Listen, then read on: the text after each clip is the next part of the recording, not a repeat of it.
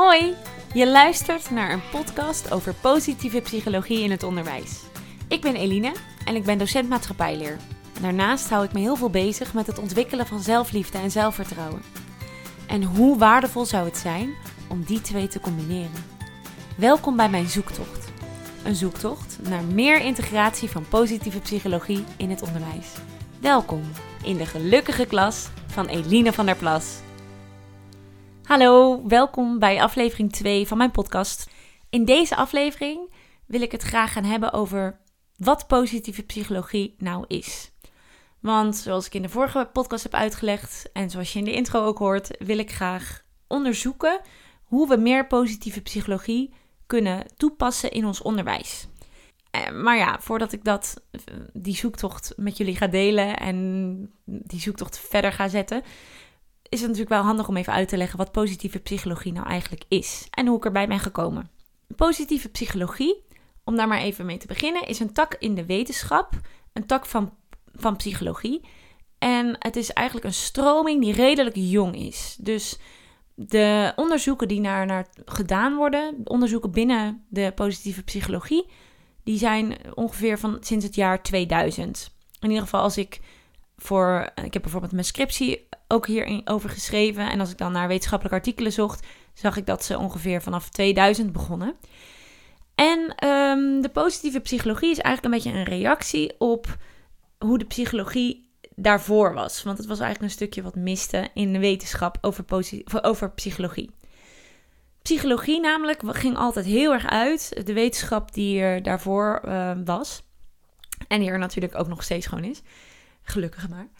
Um, daarvoor ging psychologie heel erg richten zich op ziek zijn. Oftewel, als je bijvoorbeeld depressief bent of je hebt een persoonlijkheidsstoornis, dan wat, wat gebeurt er dan in je hersenen en in je hoofd en hoe kunnen we dat oplossen? Met medicatie of met therapie of nou, noem maar op. En de positieve psychologie, die kijkt eigenlijk op een andere manier. Die kijkt niet naar hoe kunnen we de problemen oplossen, maar hoe kunnen we de problemen voorkomen. Dus positieve psychologie richt zich veel meer op wat kun je nou doen als mens om gezond te blijven. En niet alleen als mens, maar ook als samenleving. Wat, wat zorgt er nou voor dat mensen en groepen en samenleving tot bloei komen? Niet per se omdat het daarvoor niet goed met ze ging, maar meer omdat we gewoon op die manier kunnen bouwen. Het is een beetje te vergelijken als je zou kijken naar gewoon het fysieke lichaam, naar je fysieke gezondheid. Je kan kijken naar, oké, ik ben nu ziek. Um, welke, welke medicatie heb ik nodig om weer beter te worden? Maar je kan ook kijken, wat gelukkig ook steeds meer gebeurt, naar hoe kan ik voorkomen dat ik ziek word. Dus als jij verstand hebt van um, eten en hoe je moet bewegen en dat je een beetje regelmatig slaapt, dat je een beetje in balans leeft, wat bepaalde um, stress of voedingsmiddelen bijvoorbeeld met jouw lijf doen, dan voorkom je dat je ziek wordt. En daar zit eigenlijk ook wel heel veel winst in te behalen. In plaats van gewoon lukraak leven en als je ziek bent kijken, hé, hey, welk medicijn uh, of wat kan ik nu gebruiken om weer beter te worden. En dat is een beetje te vergelijken met, die, met dus positieve psychologie. Het gaat dus echt kijken, hoe kan ik mezelf um, succesvoller, gelukkiger maken. Zon, niet per se omdat je ongelukkig bent, maar gewoon ja, vanwege om te, voorkomen dat je ongelukkig wordt. Hierbij wil ik natuurlijk wel de kanttekening maken dat het heel ongenuanceerd is. En dat ik echt niet pretendeer dat als jij altijd maar gezond leeft of bepaalde technieken toepast vanuit positieve psychologie, dat je dan niet ongelukkig wordt of dat je dan niet ziek wordt. Heel veel dingen in het leven hebben we natuurlijk ook gewoon helemaal geen controle over, denk ik. Um, dus die kanttekening vind ik wel heel even belangrijk om te maken. Maar dan heb je wel het idee van waar komt die wetenschappelijke stroming nou vandaan? Eigenlijk is het een soort van wetenschappelijke onderbouwing van een soort zelfhulpboek.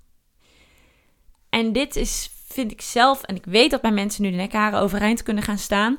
En ik vind zelf ook wel dat er een beetje een grens zit.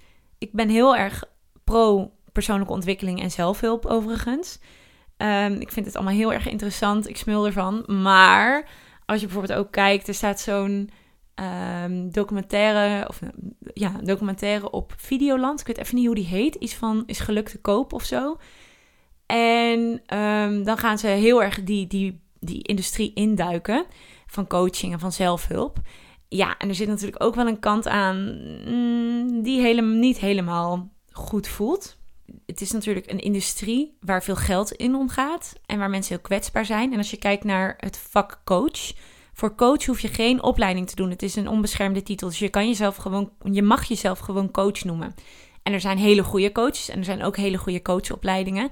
En die kunnen heel veel waarde toevoegen.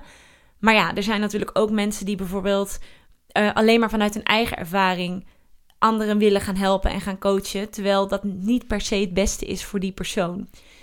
Uh, of mensen die um, gewoon daar vooral heel veel geld uit willen halen, wat ook helemaal niet uiteindelijk waarde toevoegt aan de gezondheid van die kwetsbare persoon. Sterker nog, het kan heel veel schade toebrengen.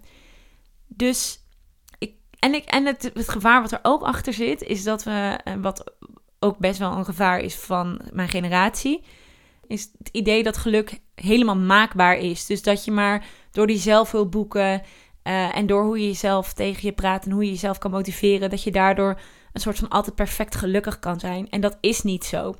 En dat is gelukkig ook wat de positieve psychologie helemaal niet zegt. Dus je kan er heel veel dingen uithalen die je heel erg kunnen helpen om je gelukkiger en succesvoller te voelen. Maar het zegt ook absoluut dat je helemaal niet um, jezelf 100% gelukkig kan maken. In ieder geval, dat is wetenschappelijk totaal niet aan te tonen. Sterker nog, het tegenovergestelde. Maar daar ga ik later nog wel een keertje op in. En naast die documentaire op, net, of, uh, op Videoland is er trouwens ook bij van Rambam is er een aflevering geweest waar ze bij verschillende coaches langs gingen om te kijken van hé, hey, uh, wat, wat vertellen die nou eigenlijk en wat is nou eigenlijk hun achtergrond?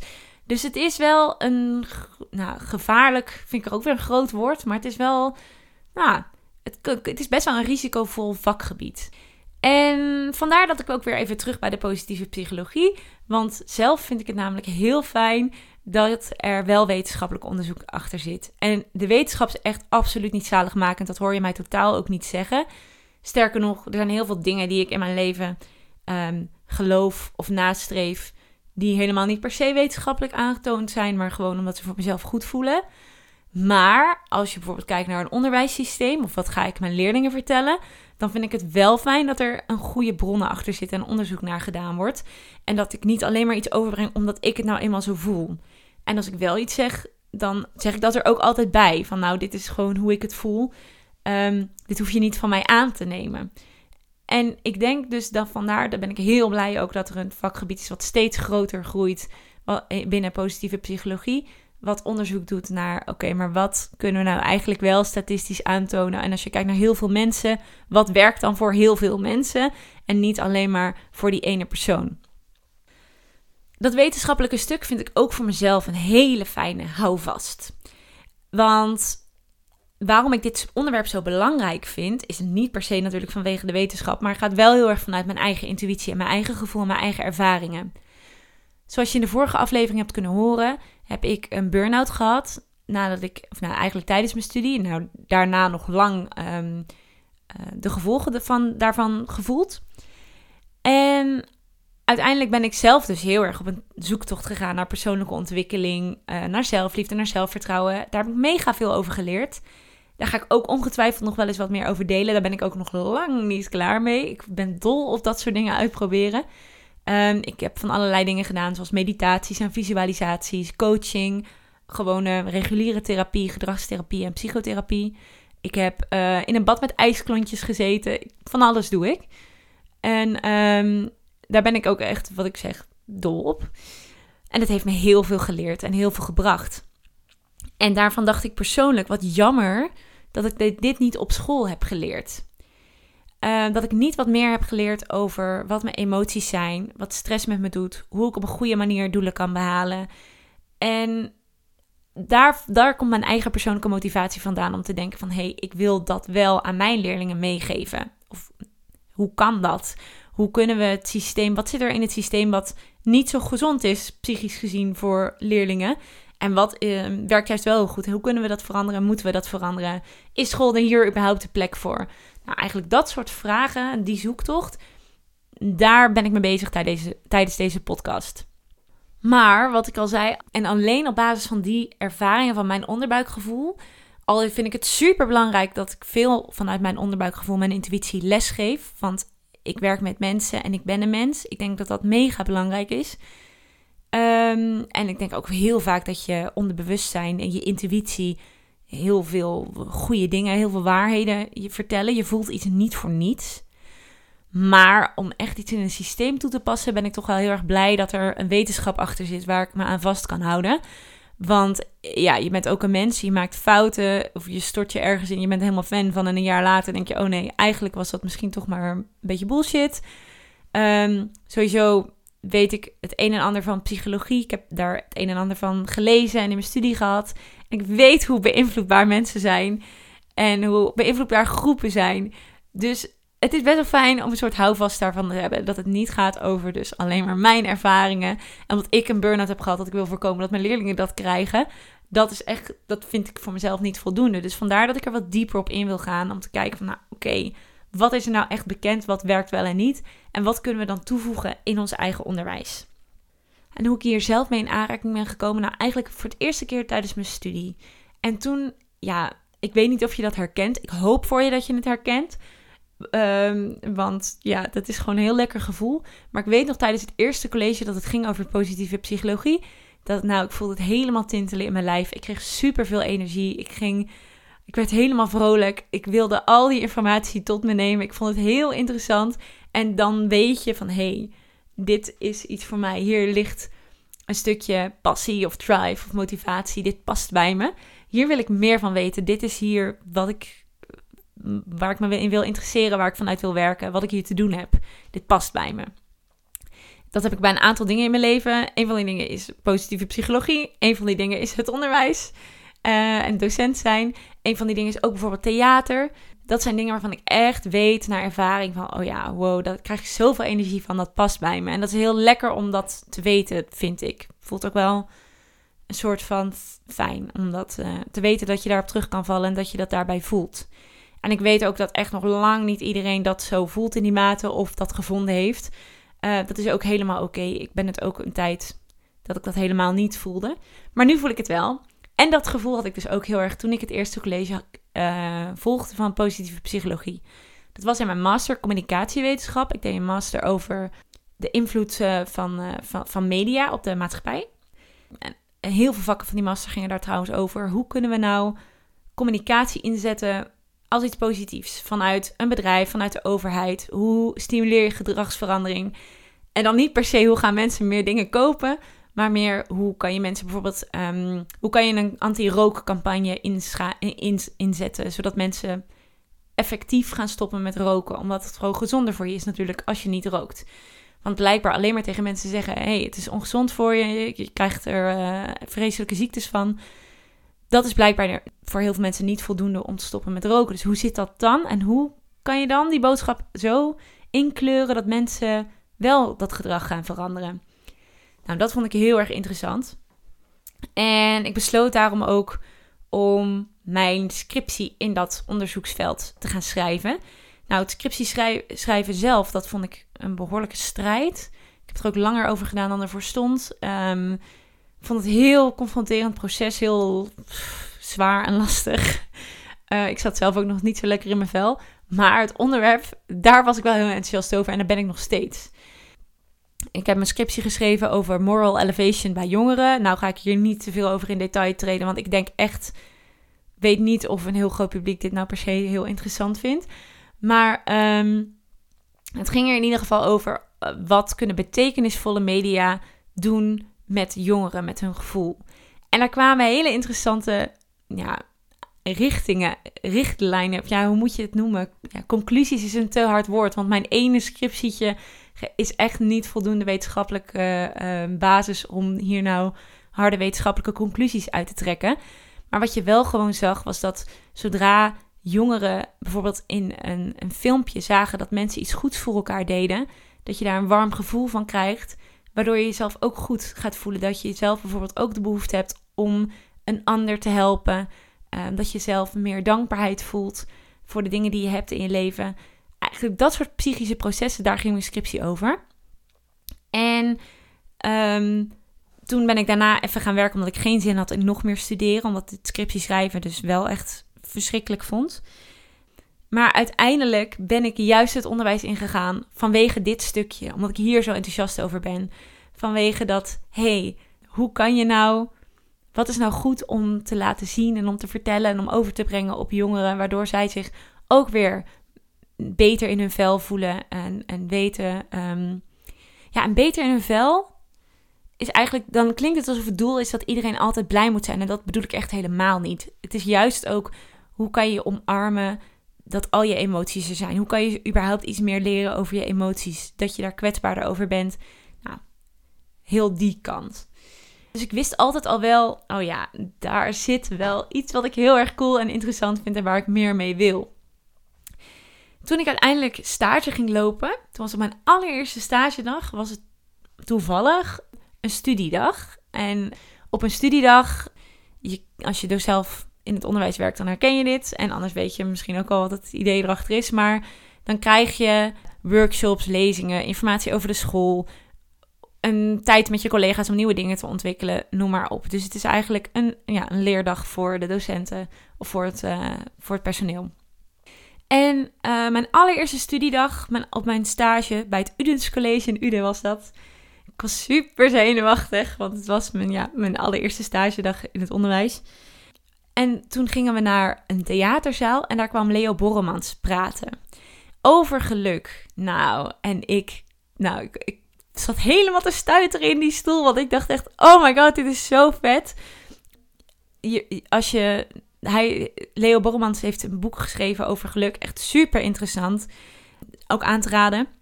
En hij ging daar vertellen aan al die docenten, ook vanuit zijn eigen um, motivatie van ja, dit, dit moeten we toch onze jongeren meegeven.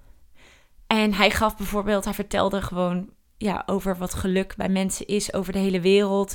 En hoe je succes na kan streven. En dat het uh, bijvoorbeeld niet werkt om heel erg iemand te commanderen, maar dat het heel erg werkt om naast iemand te gaan staan. Ja, nu klinkt het een beetje als open deuren. Ik kan het ook niet zo mooi vertellen als hij. Maar als je daar meer van wil weten, lees zeker zijn boeken.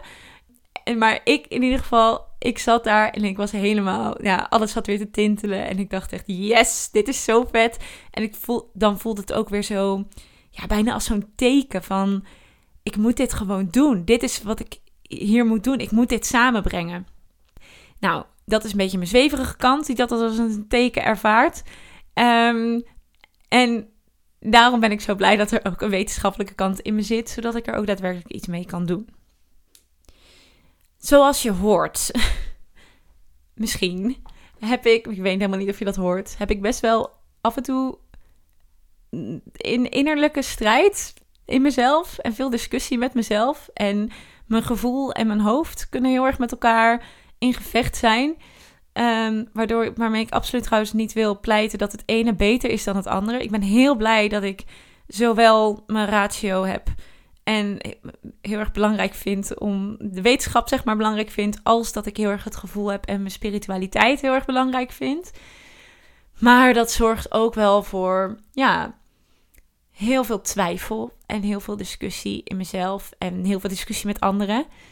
Maar dat vind ik eigenlijk ook wel weer goed. Want ik vertrouw het eigenlijk ook helemaal niet als iemand zegt: Yo, dit is de waarheid, luister hier naar. Nee, nee, nee. Dan denk ik: Ja, jij bent ook maar een mens. Jij hebt ook maar gewoon je beperkte menselijke gedachten. En alles wat we om ons heen hebben gecreëerd, is gecreëerd door mensen. Ik vertrouw het niet helemaal. Klinkt trouwens ook wel weer heel pessimistisch. Maar ik bedoel, meer kritische vragen stellen, dat vind ik goed. En als ik, als ik kijk naar dit proces van hoe, hoe brengen we positieve psychologie in het onderwijs, dan pleit ik er ook echt niet voor om een soort van gouden formule te gaan vinden. En dat ik tegen iedereen kan gaan zeggen: kijk, dit moet je zo doen. Ik heb de waarheid. Nee, daar ga ik ook helemaal niet komen. En dat wil ik ook helemaal niet. Maar ik ben wel nu dat ik denk, ja, maar er zit wel echt heel veel in. En ik vind het wel heel erg interessant om daarmee te gaan experimenteren en te gaan kijken wat kunnen we daarmee en wat werkt. En ik wil daarmee ook niet, want heel vaak hoor ik ook wel om me heen eigenlijk twee geluiden. Bijvoorbeeld mensen die echt zeggen, ja, hoe het onderwijssysteem is ingericht is gewoon slecht. En uh, leerlingen die worden er alleen maar perfectionistisch van. En we moeten veel meer op gevoel en veel meer spiritualiteit moet erin. Ik hoor heel vaak de zin, waarom leer je dit niet op school? En dan gaat het vaak over je gevoel of over hele andere dingen, praktische dingen zoals waarom leer je niet op school, hoe je je belastingformulieren moet invullen. Ehm, of je leert op school alleen maar nutteloze informatie. Want hoe vaak gebruik je nou nog die wiskunde die je toen hebt geleerd? Uh, waarom gebruik je geen nuttige dingen? Dat is de ene kant. Daar word ik altijd een klein beetje allergisch van. Gewoon omdat ik vind dat we echt een prachtig schoolsysteem hebben in Nederland. Ehm, ik ben super dankbaar dat ik eh, de school heb gehad, de opleiding heb gehad die ik heb gehad. Dat ik kan lezen, dat ik kan schrijven, dat ik um, kan discussiëren, dat ik vragen kan stellen, dat ik mezelf kan ontwikkelen.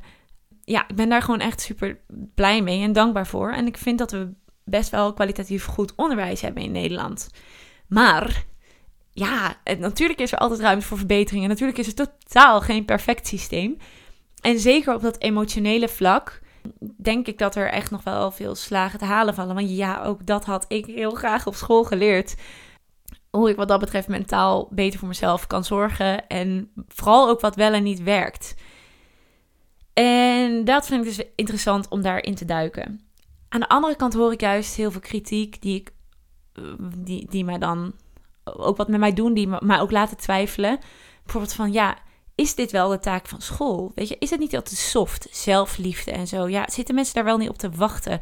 Moeten ouders niet gewoon beslissen of het wel of niet goed is voor hun kind? Of bijvoorbeeld, ik heb zelf ben heel hard om mijn bek gegaan qua burn-out en ik ben zelf op onderzoek uitgegaan. Is dat niet gewoon prima?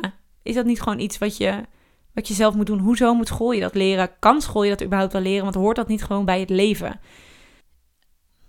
En is het niet per se de, wel of niet de taak van de ouders, maar ook, we zijn toch geen psychologen als docenten? We zijn toch juist opgeleid om kennis over te brengen. En dat is toch onze taak? We hoeven toch niet ja, voor, op de stoel van een psycholoog te gaan zitten? Nou, ben ik daar sowieso echt helemaal niet. Ehm, daar ben ik het ook helemaal mee eens. En ik denk ook, ja, wat ik al zei, die positieve psychologie gaat daar ook echt niet over. Dus even voor de goede orde. Het is niet zo dat je ineens leerlingen die al heel heftige faalangst of depressieklachten of zo hebben, dat je dat moet gaan oplossen als docent. Want dat is inderdaad de taak niet van een docent, denk ik. Daar heb je weer hele andere, goede, gespecialiseerde mensen voor. Maar stel je voor, we kunnen gewoon aanpassingen aanbrengen in ons onderwijs, waardoor dat soort dingen minder voorkomen. Ja, daar, dat denk ik wel. Maar in ieder geval, ik was bij mijn kritische vragen gebleven. Ik, ik, ben het even kwijt. Ja, eigenlijk vind ik gewoon al die kanten interessant. En ik denk echt dat we er absoluut wel wat mee kunnen en moeten. Maar ja, ik denk dat de waarheid ergens in het midden ligt. Oh ja, en trouwens, de waarheid, hoor mij nou. De waarheid bestaat natuurlijk helemaal niet. Of nou ja, natuurlijk. dat is ook weer alsof ik een waarheid schets. Welkom in mijn hoofd. Maar ja, gewoon voor jezelf, voor mijzelf, wat de waarheid is. Nee, dit is echt gelul. Ieders waarheid zal ergens in het midden liggen. Oké, ik kap over waarheid. Mijn waarheid zal ergens in het midden liggen. En ik wil je heel graag meenemen op zoektocht. Mijn zoektocht naar wat werkt wel en wat werkt niet en wat kunnen we verbeteren. En deze podcast is dus geen basje naar het klassieke onderwijssysteem. Het is en zweverig en wetenschappelijk. En um, ja, ik ben heel erg benieuwd wat ik allemaal ga tegenkomen. En met wie ik allemaal ga praten hierover. En ja, wat het me allemaal gaat brengen. En wat het ons schoolsysteem gaat brengen. Ik heb in ieder geval het gevoel dat er dat we iets moois hebben in Nederland. Dat er heel veel docenten, gedreven docenten zijn die het nog mooier willen maken. En dat gevoel en die energie, daar wil ik gewoon heel graag um, aan blijven werken. En ja, dat. Ik zit even na te denken. Wilde ik nog iets vertellen over positieve psychologie? Ja, ik denk het voor nu niet. Nou, dan, is, dan zal het ook voor nu niet. Er komt vast nog veel meer over in de volgende afleveringen. En ik zal ook op deelonderwerpen ervan inzoomen. Ik zal wat vertellen over mijn eigen persoonlijke zoektocht. Dat gaat dus dan niet per se over een klassituatie of over het onderwijs. Maar meer over hoe zorg ik voor mezelf als mens. En dus ook hoe zorg ik voor mezelf als docent. Ik zal dingen gaan vertellen over gewoon mijn, mijn, mijn hersenspinselen over het onderwijssysteem. En ik ga volgend jaar, maar daar ga ik de volgende aflevering over vertellen. Ik ga ehm, volgend jaar op twee verschillende scholen werken met twee verschillende systemen. En dat lijkt me ook heel interessant welke inzichten ik daarbij opdoe. Oeh, cliffhanger naar de volgende aflevering.